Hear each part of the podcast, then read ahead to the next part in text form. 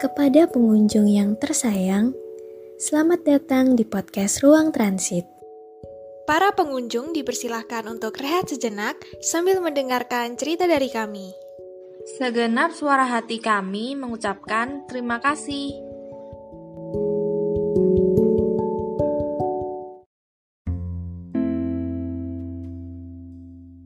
Topik kali ini mungkin agak nggak biasa dibicarain. Mungkin ya, Soalnya aku sendiri gak pernah punya atau terlibat pembicaraan dengan topik kayak gini. Sebenarnya aku juga ngerasa kayaknya aku gak perlu sih ngomongin hal ini. Tapi aku cuma mau berbagi apa yang aku pelajarin selama ini. Gimana ya bilangnya? Ini mungkin bisa dibilang soal prinsip. Ya kayak berat banget ya bilangnya prinsip. Tapi ya ini semacam itu gitu. Jadi ini tuh tentang gimana kita membuka hal-hal yang takut kita buka ke orang yang mungkin kita mau dia jadi milik kita. Oke, aku juga bingung sebenarnya jelasinnya gimana, tapi aku coba buat jelasin sejelas mungkin. Mulai dari banyak hal yang akhirnya aku renungin waktu aku sadar kalau aku punya beberapa hal yang aku pegang setelah aku ngelewatin hal-hal yang bikin aku sakit hati. Dan mungkin hal-hal yang sekarang jadi peganganku itu, kalau diceritain ke orang lain, orang lain bakal bertanya-tanya, bahkan akan ada yang gak terima. Sederhananya gini deh, kita kayak punya tujuan yang mau kita tempuh kita udah punya peta dan rencana yang kita yakin itu bisa bawa kita ke tujuan akhir kita. Terus suatu hari, kita ketemu sama orang yang menarik perhatian kita. Dan kita suka sama dia. Ya namanya orang lagi pendekatan, pasti maunya menerima dan menyuguhkan sesuatu yang baik dan bikin satu sama lain nyaman kan? Nah, peta itu sama kayak hal yang jadi pegangan kita. Ya apa pun bentuknya ya. Mungkin kita masih punya rasa takut buat punya hubungan, padahal kita suka banget sama dia. Atau kita sadar kalau ada hal dari dia yang kita nggak suka, yang nggak masuk di daftar rencana kita. Ya hal-hal yang kayak gitu deh intinya. Karena kita udah suka banget sama dia, kita udah nyambung sama dia, dan kita ngerasa kalau dia orang yang kita mau itu bikin kita gimana pun caranya akan mengesampingkan peta dan rencana yang udah kita susun dengan baik sebelumnya.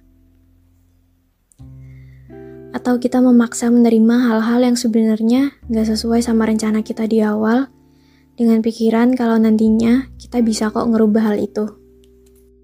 Dan menurutku, hal-hal kayak gitu yang bikin hubungan akan berjalan gak baik nantinya.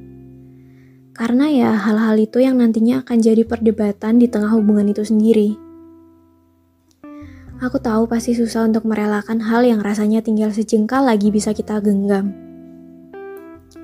Tapi kalau kita paksain dan akan jadi rasa sakit yang akan kambuh terus, dan bikin kita nantinya hancur juga akan jadi percuma.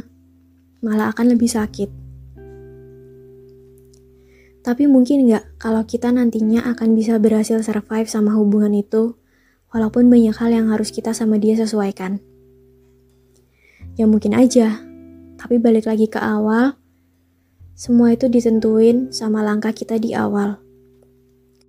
Semua yang akan terjadi kan pasti selalu ada langkah pertama yang harus kita ambil di awal. Yang akan jadi penentu ke depannya gimana. Itu yang bikin aku sekarang gak akan takut untuk membuka apa yang jadi pilihanku ke orang yang mungkin mau serius sama aku. Mungkin bakal sakit di awal kalau ternyata dia atau aku gak bisa menyamakan jalan kita.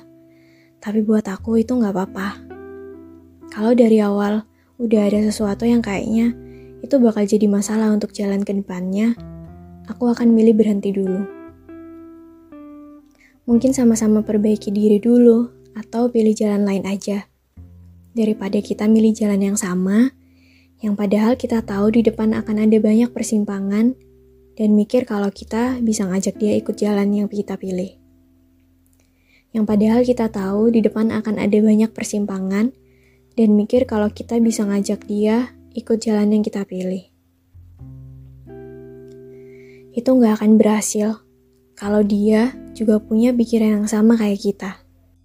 Cuma bakal berakhir kita sama dia saling tarik-tarikan, berantem, saling egois maksain satu sama lain ikut ke jalan masing-masing.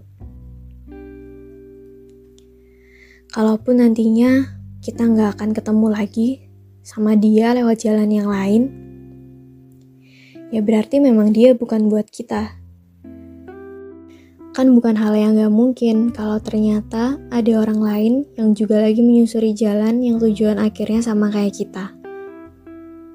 Fokus aja sama jalan dan rencana yang kita mau tempuh selama kita yakin itu yang terbaik buat kita. Jangan mengorbankan diri untuk ngikutin jalan yang kita tahu itu bukan ketujuan kita. Karena nantinya cuma bikin kita harus putar balik dan terlanjur capek untuk mulai dari awal lagi.